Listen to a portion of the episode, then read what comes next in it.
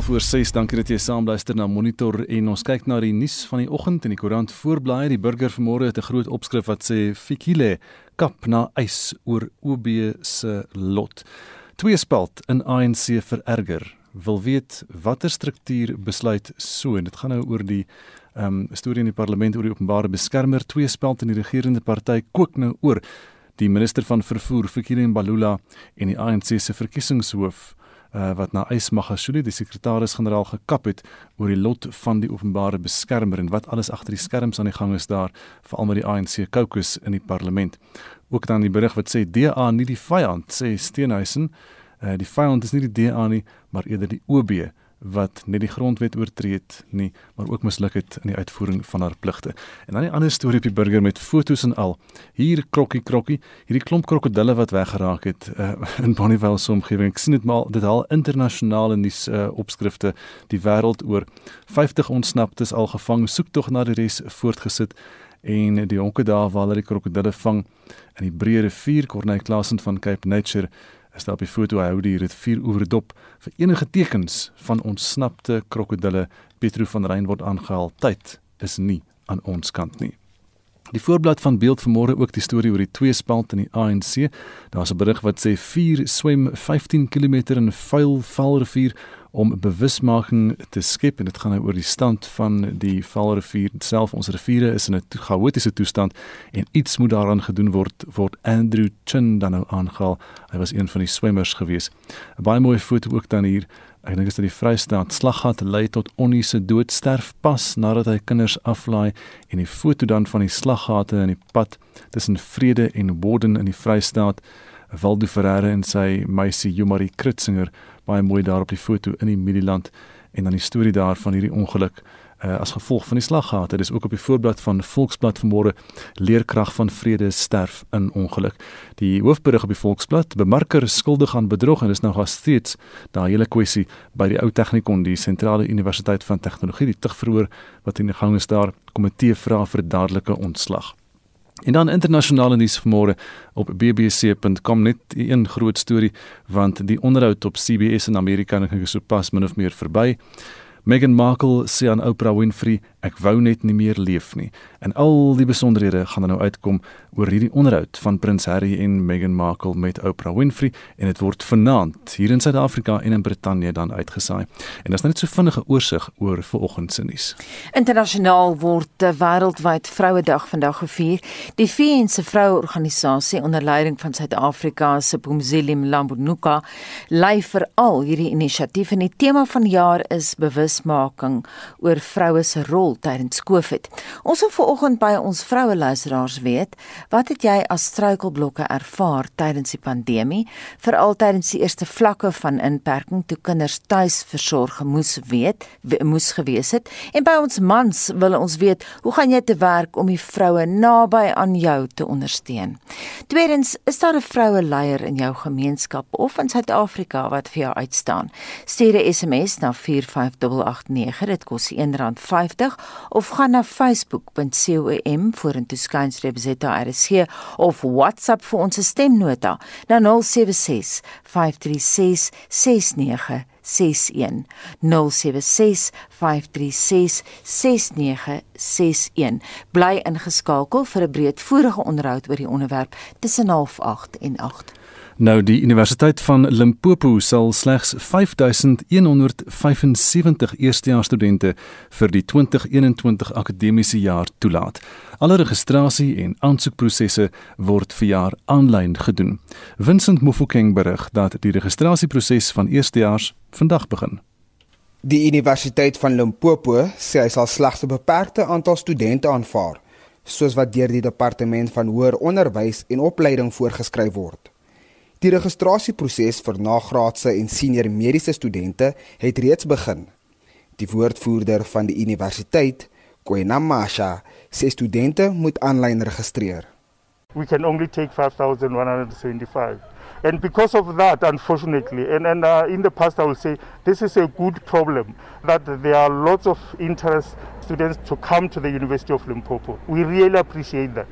Uh, we hope that with the transition into online platforms, there will be some stage where there is a revision of the quotas because now they don't have to compete for a small class. Now we can be available online, and maybe at that stage we can have more and more uh, in terms of the quotas that are allocated to us. Intussen het 'n groep ontevrede studente verbonde aan die EFF studente bevelsraad buite die kampus betoog. Kucho Mamabolo is kampuskoördineerder van die studente bevelsraad by die Universiteit van Limpopo. Mamabolo sê nie alle studente het die nodige hulpbronne tot hul beskikking om aanlyn te registreer nie. The University of Limpopo has embarked on what they call 100% online registration. They commenced with that on the 3rd of March 2021 with postgraduate students and students who are doing health sciences. So, as the EFFSC, we are not entirely opposed to online registrations. We are opposed to 100% online registrations because we do have certain students who are coming from unprivileged backgrounds who won't be able to have data or rather laptops to execute online registrations. Studente word nie op die kampus toegelaat nie, aangesien die universiteit besig is om 'n aanlyn en afstandsonderrigmodel te implementeer. Die verslag van Katlego Nyoni in Polokwane. Ek as Vincent Mufokeng vir SAK nuus. En ons bly by die onderwerp Wits Universiteit in Johannesburg begin vandag met sy 2021 akademiese jaar. Sowat 35000 studente het reeds geregistreer.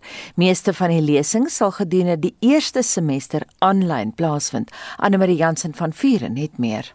Wit Universiteit se woordvoerder, Sharona Patel, sê slegs 'n handjievol studente sal gedurende die eerste semester terugkeer kampus toe.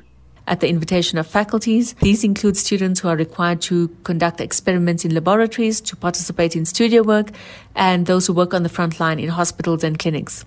WITS has invested in a new learning management system and has ensured that students have access to data and devices so that learning and teaching can continue despite the hindrance of the coronavirus pandemic. Sy sê Wits is oorval deur eerstejaars aansoeke. WITS received over 70,000 applications for just over 5,000 first year spaces. Almost all first year students have registered already. However, the university is extending registration for undergraduates until the 19th of March and for postgrads until the 12th of March. WITS has also gone the extra mile to help students to register through making available of its hardship fund with 10 million rand. This is to assist students who are experiencing financial hardship and who have historical debt up to 120,000 rand. In addition to that, another 10 million rand has been dedicated to a WITS COVID-19 relief fund. This is to assist students and their families who have been adversely impacted by the pandemic and who require funding to register. Volgens Patel kan 'n klein groep studente ook terugkeer koshuise toe.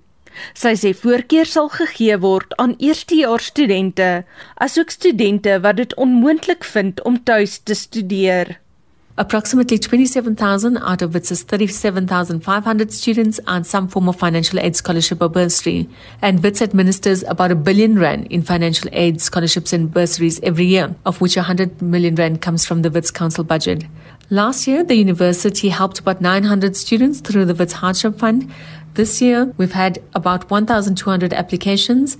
To date, about 600 students have been helped, and this process is ongoing.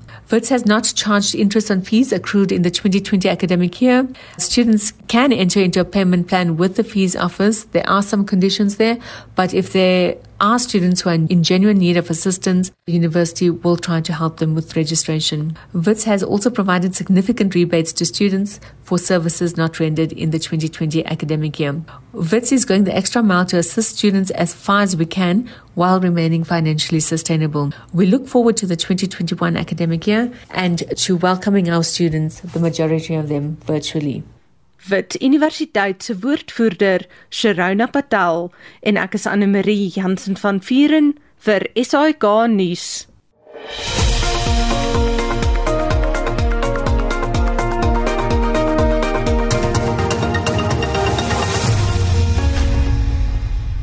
Durban het ongeveer 50% minder besoekers tydens die 2020 feesseisoen gehad in vergelyking met 2019.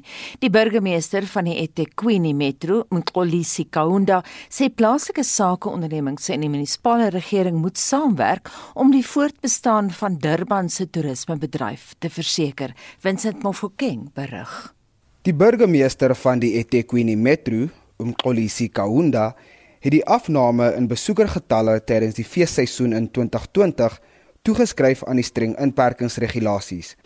Die sluiting van Durban se gewilde strande en die verbod op die verkoop van alkohol het gelei tot die kansellasie van sommige besprekings. Kaunda sê strande en sportbyeenkomste sal as trekpleisters vir toeriste gebruik word terwyl vlak 1 regulasies handhaaf word. We are also looking the business sector which is coming on board to say that it's not only the sole responsibility of government to put cameras everywhere in the city. We have visited uh, China, we have, we have seen their cities. In one city, Shenzhen, they've got about 3.4 uh, million cameras in the city. Those cameras is only 5% that is subsidized by government. In the main is the contribution of the private sector so that we can be able to work better. So we are calling for that collaboration, that let us ensure that we work together for resources so that we can improve uh, the work that we are doing. Die kansellasie van vanjaar se Commerce Marathon het ook 'n impak op inkomste vir die provinsie se toerismebedryf. Die gewilde wedloop bring atlete van regoor die wêreld na die stad. Kaunda sê 'n strategie word ontwikkel om Durban as 'n veilige toerismebestemming te bemark. As an interim measure, will continue to promote Durban as a premium destination, a must-visit leisure and business tourism destination through our marketing campaigns, which are already unfolding. We will also accelerate our efforts to promote the city as a safe tourism destination in the context of COVID-19 and measures we have put in place to turn the tide around against this invisible as well as demonic pandemic. Die voorsitter van die Durbanse Sakekamer, John Aritho, sê die munisipale regering moet mense aanmoedig om COVID-19 inentings te ontvang wanneer dit beskikbaar is. When you look at trends around the world, they say that most destination popularity will depend on how the country or the region controls the virus and the vaccination levels. And that's one thing that we would like to plead with the city in terms of how visible we are seen to be controlling the virus and how visible we are seen with the rollout of the vaccination as it starts currently. Arito sê die eThekwini Metro moet 'n plan beraam sodat Durban weer gasheer vir die toerisme in Daba kan wees. Die verslag van Vanele Mhlongo in Durban. Ek is Vincent Mufokeng vir SAK nuus. En ons bly by die onderwerp van toerisme. Kaapstad Toerisme het onlangs 'n strategiese beplanningssessie gehou om 'n deeglike begrip te kry van die huidige stand van die bedryf. Die betrokke rolspelers het as deel van die beplanning 'n 10-punt plan saamgestel om weer lewe in die sektor te blaas en so sê die burgemeesterskomitee lid vir ekonomiese geleenthede in Kaapstad, James Vos. Ons 10-punt toerisme strategie omvat internasionale beste praktyke en sluit die volgende in: Programme wat hulp verleen aan die toerismebedryf deur onmiddellike noodleningsmaatreëls te ontsluit om die ernstige kontantvloei krisis waarmee baie toerismeondernemings tans ondervind aan te spreek in 'n poging om soveel moontlik te help om kop bo water te hou en sodoende te verseker dat soveel van hulle oorleef totdat aansienlike vraag uiteindelik weer terugkom. Dit sluit in die herskedulering van munisipale agterstallige skuld om die huidige finansiële las te verminder, asook om gastehuise die opsie te gee om weer as residensieel te klassifiseer om hul tariefrekening te verlaag en ook om afstand te doen van huurbetalings deur maatskappye wat eiendom huur van die stad.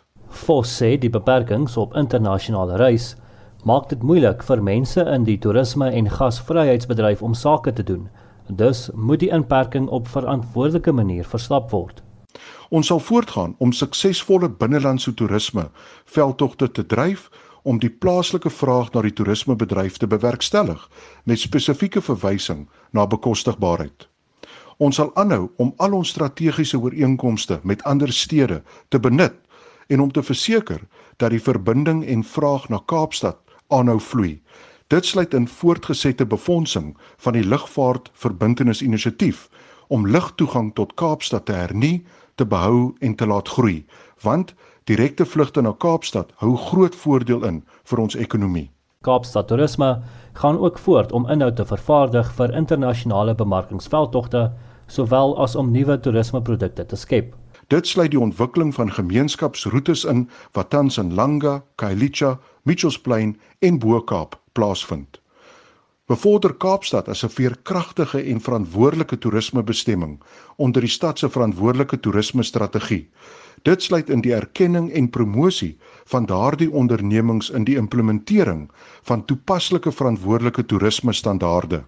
Die stad sal voortgaan om innoverende maniere te vind om die skole toerisme program uit te bou wat dan 'n toerisme denkwyse onder ons jeug bevorder, sowel as toerisme as 'n potensiële loopbaanopsie. Die gebruik van nuwe tegnologie om die sektor 'n hupstoot te gee, word ook oorweeg. Ons het toerisme nodig om werksgeleenthede te skep en om besighede te help floreer. En om dit te doen, sal ons tegnologie en innovasie in ons strategieë vir produkontwikkeling en bestemmingsbemarking insluit. En hierdie 10-punt toerisme strategie is 'n veelvoudige benadering om die toerismebedryf te help om te oorleef in die uitdagende maande wat voorlê. James Foss, die burgemeesterskomitee lid vir ekonomiese geleenthede in Kaapstad. Ek is Justin Kennerly vir SAK nuus. Is dit wat sê ons luisteraars oor Vrouedag? Anita Dani Lou sê ek is 60 jaar oud en werkloos en ek het dadelik na my ma van 82 jaar gegaan en vir 3 maande by haar gaan bly. Dit was nou tydens die inperking en ons was dus nie alleen nie en het heerlik gekuier. Dit was 3 wonderlike maande van my lewe. En Rex Bester skryf om mekaar man of vrou te ondersteun word nie beperk tot 'n spesifieke krisis nie. Dit is alledaagse deurlopende ondersteuning. Samuel Walters van Voelvlei-dam in Gouda sê Patricia de Lille staan vir my uit as 'n leier in ons land en Lavinia Stanley laat weet as 'n familiereg mediator het ek besef dit is nie my werk nie maar my passie baie het tydens die inperking sonder geld gaan sit en het verlang na onderhoud en emosionele bystand en om vir kinders te sorg. Dit het ek gedoen vir die wat uitgereik het. Ek het gehelp om onderhoud en bystand te verkry Ongelukkig was daar ook 'n hele paar egskeidings, maar dit was in die beste belang van baie kinders. Ons wil vandag by vroue weet, wat het jy as struikelblokke ervaar tydens die pandemie, veral tydens die eerste vlakke van inperking, toe kinders tuis versorg moes word en jy van die huis af moes werk. En by mans wil ons vandag weet, hoe gaan jy te werk om na die vroue na aan jou te ondersteun, hoe om daai vroue te ondersteun. En is daar dalk ook 'n vroueleier in jou gemeenskap en in die land wat volgens jou 'n besonderse taak verrig het tydens COVID-19? Stuur vir ons 'n SMS na 45889. Onthou dit kos R1.50. Gesels saam op ons Facebookblad by facebook.com vorentoe skynstreep ZARSG of WhatsApp vir ons stemnota na 076 536 69 61. Ek is net so voor 7 terug met nog van jou terugvoer. En is nou 23 minute voor 7. Ons beweeg na die sportveld. Hier is Shaun Jooste. Kom ons kyk na van die naweek se sportgebeure en begin met cricketnuus. Engeland het Indië in die 4de en laaste toets van hulle reeks met 'n beurt en 25 lopies afgeronsel en ook hulle plek in die ICC se toetskampioenskappe eindstryd teen Nieu-Seeland geboek. Die Indiese draaibouler Ravichandran Ashwin was die speler van die reeks oor sy 32 paaltjies in die vier toetse. Hy het ook 189 lopies met die golf aangeteken. Die T20 reeks van 5 wedstryde begin Vrydag. Nieu-Seeland het hulle T20 reeks teen Australië met 3-2 beklink na oorwinning van 7 paaltjies in gister se laaste en beslissende wedstryd. Die Nieu-Seelandse draaibouler Ish Sodhi was die speler van die reeks vir sy 13 paaltjies. Sy beste balsyfers was 4 vir 28 in die eerste wedstryd. En die Windies het Sri Lanka vanoggend in die laaste wedstryd van hulle T20 reeks met 3 paltjies geklop en wen die reeks met 2-1. Ons vroue Protea span loop nou 1-0 voor in hulle eendagreeks in en teen Indië nadat hulle die tuisspan gister in die eerste wedstryd met 8 paltjies oorrompel het. In die eerste golf en is tot 177 vir 9 beperk met die snelbouler Shabnem Ismail wat op 3 vir 28 geëindig het. Die aanvangskolwers Lazelle Lee het 83 nie uit nie en Laura Wolfhard 80 aangeteken om Suid-Afrika die voorsprong te gee. Die tweede wedstryd vind môreoggend plaas. En op eie bodem word die plaaslike vierdagreeks weer voortgesit. Na dag 1 van die voorlaaste ronde het die Cape Cobras op 146 vir 3 in hulle eerste beurt teen die Warriors gestaan. Die Dolphins het die dag op 341 vir 9 in hulle eerste beurt teen die Lions geëindig en die Knights staan op 23 sonder verlies in hulle eerste beurt in antwoord op die Titans se eerste beurtelling van 263. Rugby In die Nieu-Seelandse plaaslike Super Rugby reeks het die Crusaders die Hurricanes gister in Christchurch met 33-16 afgeronsel. En in Australië se plaaslike Super Rugby reeks het die Brumbies die Rebels Saterdag in Canberra nalskrap met 27-24 geklop. Sokker. Die tellings van die naweek se DStv Premier Liga wedstryde was Black Leopards 1, Golden Arrows 3, Marokko Swallows 1, Chakuma FC 1 en Chippa United 0, Orlando Pirates 3. In die Afrika Kampioenligga het Mamelodi Sundowns vir Mazembe Saterdag in die DRK met 2-1 uitoorlê en Kaizer Chiefs het Petro Atletico van Angola met 2-0 in Johannesburg getroof. Gister in die Engelse Premier Liga het Tottenham Hotspur 4-1 met Crystal Palace afgereken. Manchester City het tuis 2-0 teen Manchester United en Liverpool ook tuis 1-0 teen Fulham verloor. West Brom en Newcastle United het 0 elk gelyk opgespeel. Die tellings in van die naweek se ander groot wedstryde was in Spanje Atletico Madrid 1, Real Madrid 1, in Duitsland Bayern München 4, Borussia Dortmund 2 en in Italië Juventus 3, Lazio 1. Op die tennisbane die Rus Andrei Rublev met die laure in die manstoernooi in Rotterdam in Nederland en die Tsjech Petra Kvitova met die laure by die vroue ope in Qatar weggestap. Suid-Afrikaanse Lloyd Harris het ook vir die Qatar Ope vir mans gekwalifiseer na sy oorwinning van 6-4 en 6-3 oor Lucas Lacko van Slowakye. En laastens op die golfbaan het die Amerikaner Bryson DeChambeau op 11 onder die titel by die Arnold Palmer uitnodigingstoernooi ingepalm. Die Engelsman Lee Westwood was tweede op 10 onder en Suid-Afrika se Christian Besaidnout sewende op 5 onder.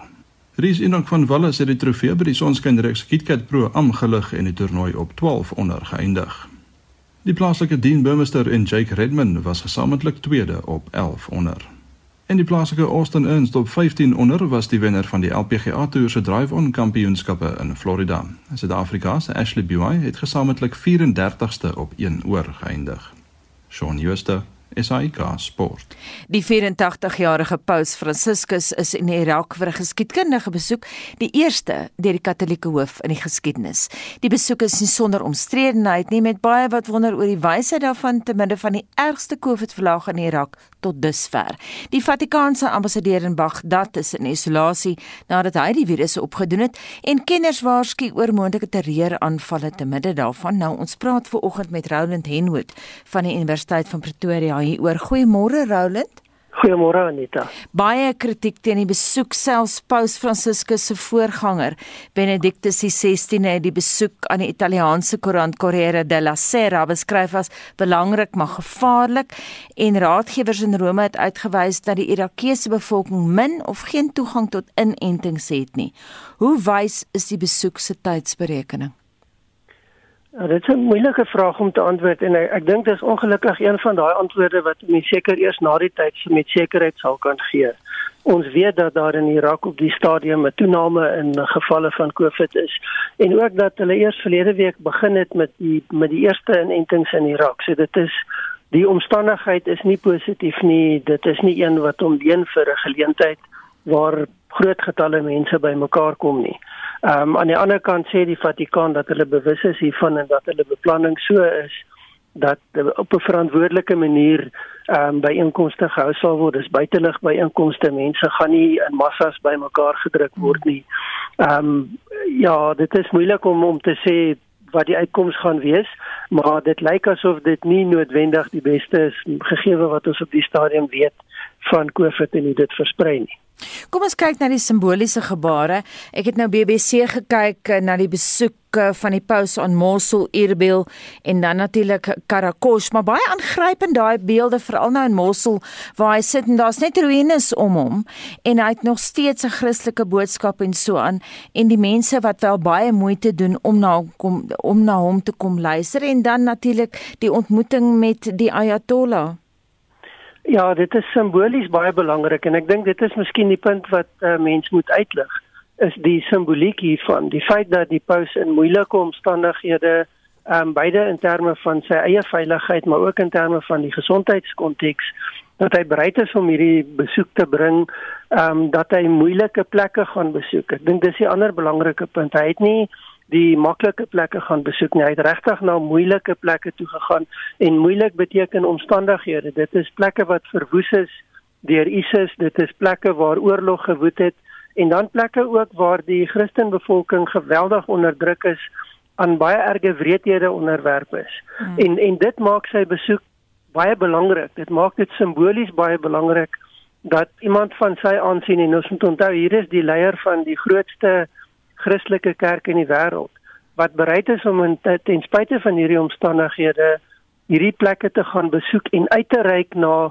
sy eie mense, met ander woorde mense wat volgelinge van hom van sy kerk is maar ook ander Christene en dan baie belangrik wat wat kenmerkend is van sy termyn as as 'n um, ehm, paus is dat hy uitreik na die ander kant. Hy hy reik uit na die ehm um, geloof wat eintlik aan die in die beskuldigde bank staan tot 'n groot mate in terme van dit wat gedoen is.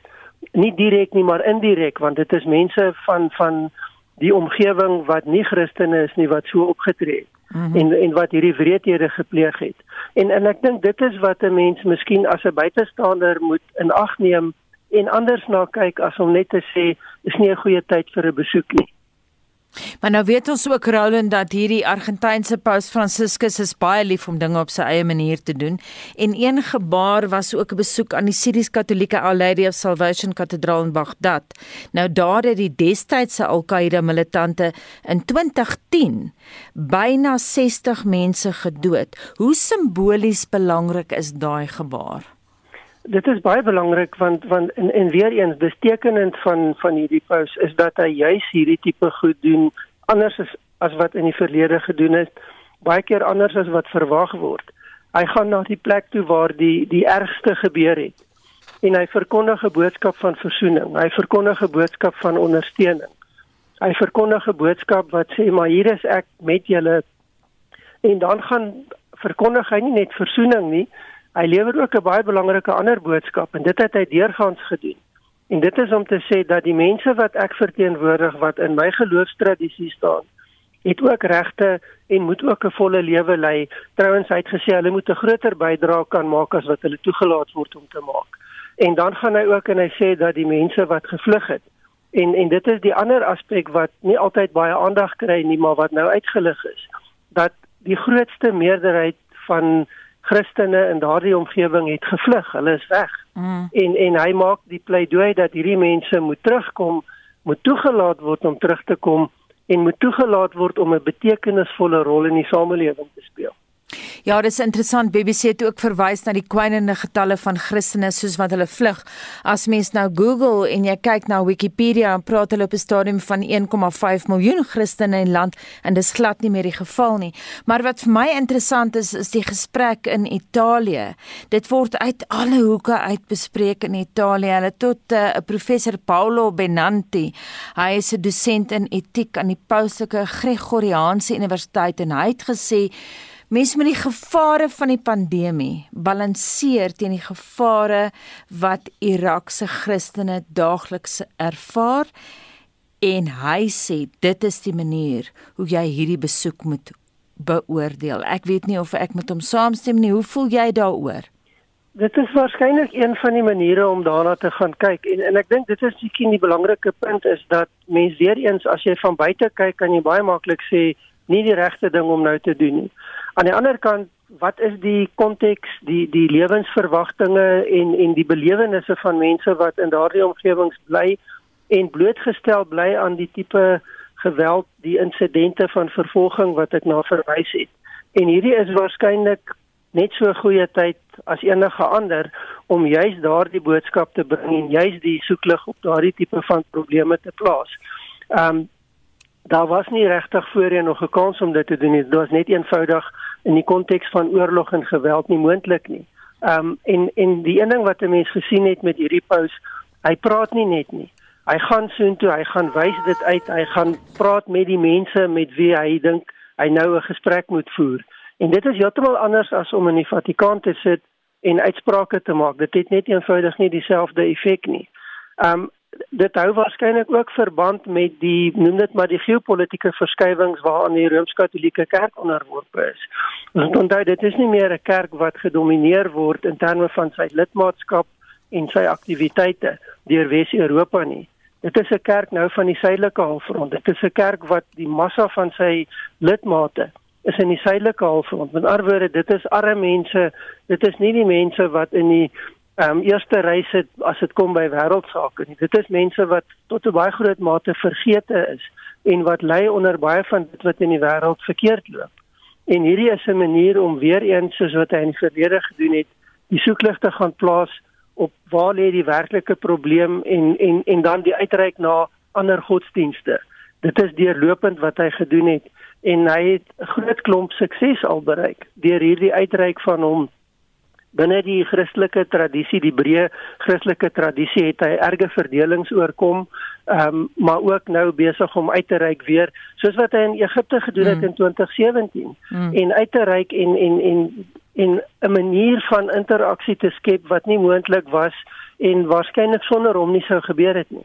Baie dankie dit dan die mening van Roland Henwood, politieke wetenskaplike verbonde aan die Universiteit van Pretoria. En dit is fascinerend hierdie besoek van die paus aan Irak soos jy nou gesê het Anita, die BBC sê die aantal Christene in Irak het gedaal in die afgelope twee dekades van 1,4 miljoen na slegs 250 000, mm. minder as 1% van die bevolking, meestal daar in die noorde. Nou ons bly by internasionale nuus, die VN se hoogkommissaris vir menseregte, Michelle Bachelet, dring aan op 'n onafhanklike ondersoek na die moord op honderde burgers in Ethiopië se Tigray-streek.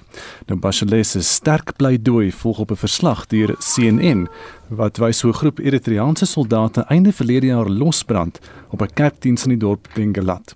Meer as 20 skoolkinders, priesters en ganse families is dood in hierdie slagting. Intussen berig Amnesty Internasionaal dat Eritreaanse troepe honderde ongewapende burgerlikes in die stad Aksum uitgemoor het in wat beskou word as 'n misdaad teen die mensdom.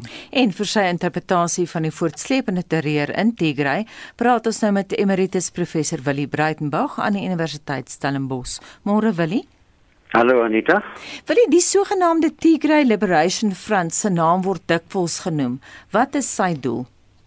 Tigray is een van die streke in Ethiopië wat bestaan uit 'n uh, 10 etniese komponente en die onmiddellike buurstaat in die noorde is Eritrea wat afgestig het uh, 28 jaar gelede ook na 'n lang bevrydingsstryd en dit lyk vir 'n mens asof die Tigreërs dieselfde pad wil loop.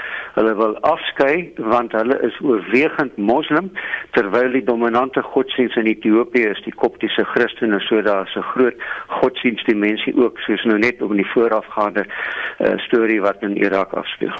Nou die moorde in Dengelat en Aksum was ook 130 bevestigde verkrachtingsgevalle in verskeie dorpe in Ethiopië is wel goed gedokumenteer. Michelle Bachelet het die Ethiopiese regering formeel gevra om die VN toe te laat om voorvalle verder te ondersoek. Wat is die kanse dat Ethiopië dit sal toelaat? Ek dink dit is dalk in Ethiopië se guns dat dit wel toegelaat word want uh, dit gaan hulle standpunt ondersteun naamlik dat uh, Tigray nie geregtig is om af te skei nie ten spyte daarvan dat Tigray sy afskeiding baseer op die geskiedenis van die buurstaat Eritrea.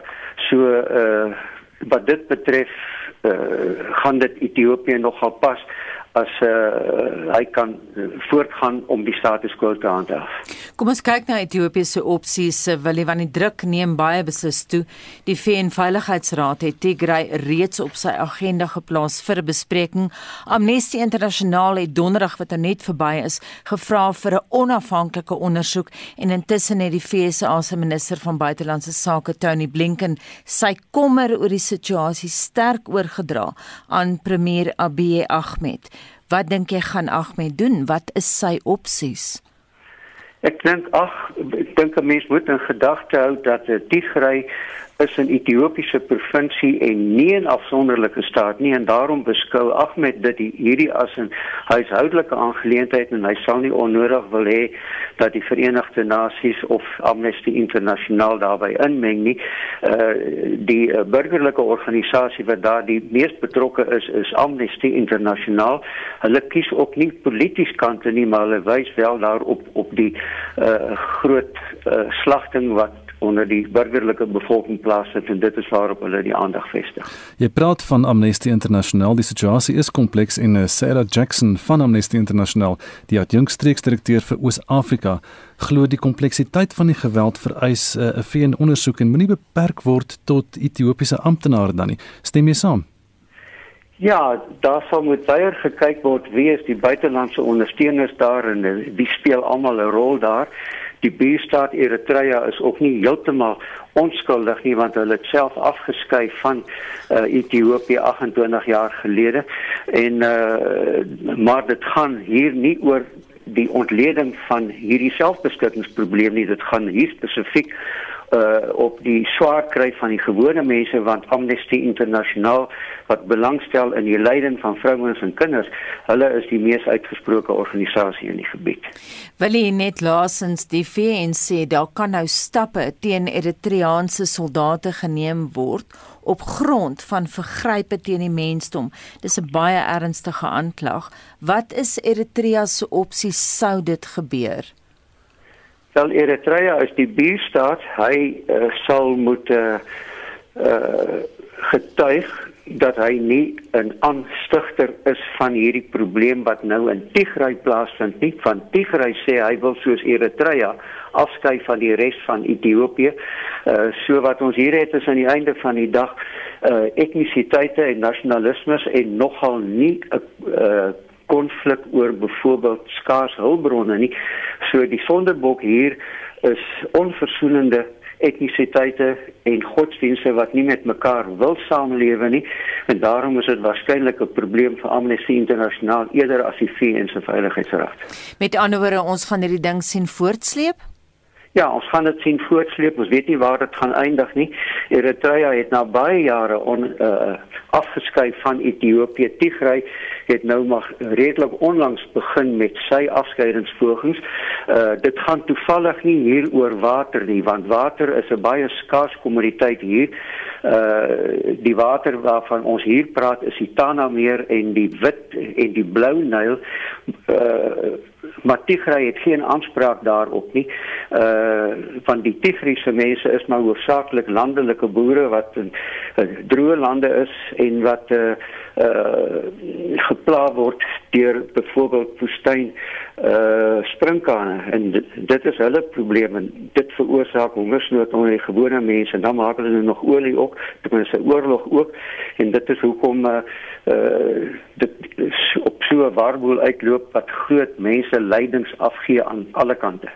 Interessante Freudiaanse stelling daar oorlog en olie in dieselfde sin te noem. Baie dankie Emeritus Professor Willie Breitenberg van die Universiteit Stellenbosch. Is jy like daai terugvoer? Anita Blackie van Pretoria sê my vrou is in die weermag en besig met 'n stafdiens kursus wat tot Desember duur en sy's weg van die huis af. Sy's iemand wat vir my uitstaan om saam met die ander hard te werk aan al die take wat hulle moet voltooi en ek ondersteun haar deur te help met navorsing vir die bronne wat sy nodig gaan kry om haar werk ligter te maak. En Christie Christiana Groenewoud van Milner Milnerters skrim Askies tog Milnerton skryf 3 dae na die inperking aangekondig gestref die besef dat die werksoekers op straathoeke sonder werk is en dis sonder geld en iets te eet te gaan wees. Die Breër Tableview Blouberg gemeenskap het sedert Maart 2020 reeds meer as 260 000 etes voorsien en Milnerton Lions het 'n openbare voorsieningsorganisasie gestig om te help met vaardigheidsontwikkeling en die onderhoud van gemeenskaps kombuise. Ekskuus dat my tong so knoop vanoggend. Ons wil vanoggend by ons luisteraars weet wat het vroue tydens die inperking as struikelblokke aanvaar en veral toe jy jou kinders tuis moes versorg het en jy ook van die huis af moes werk en ons wil by mans weet hoe gaan jy te werk om na die om na die vroue na aan jou te ondersteun? En is daar dalk 'n vroueleier in jou gemeenskap of in die land wat volgens jou 'n besonderse taak verrig het tydens die COVID-19 pandemie? Laat weet vir ons deur 'n SMS te stuur na 45889 of stuur vir ons 'n boodskap op ons Facebookblad by facebook.com vorentoe skynstreep ZARSG of WhatsApp vir ons stemnota na 0765366961. Dis nou 7 uur.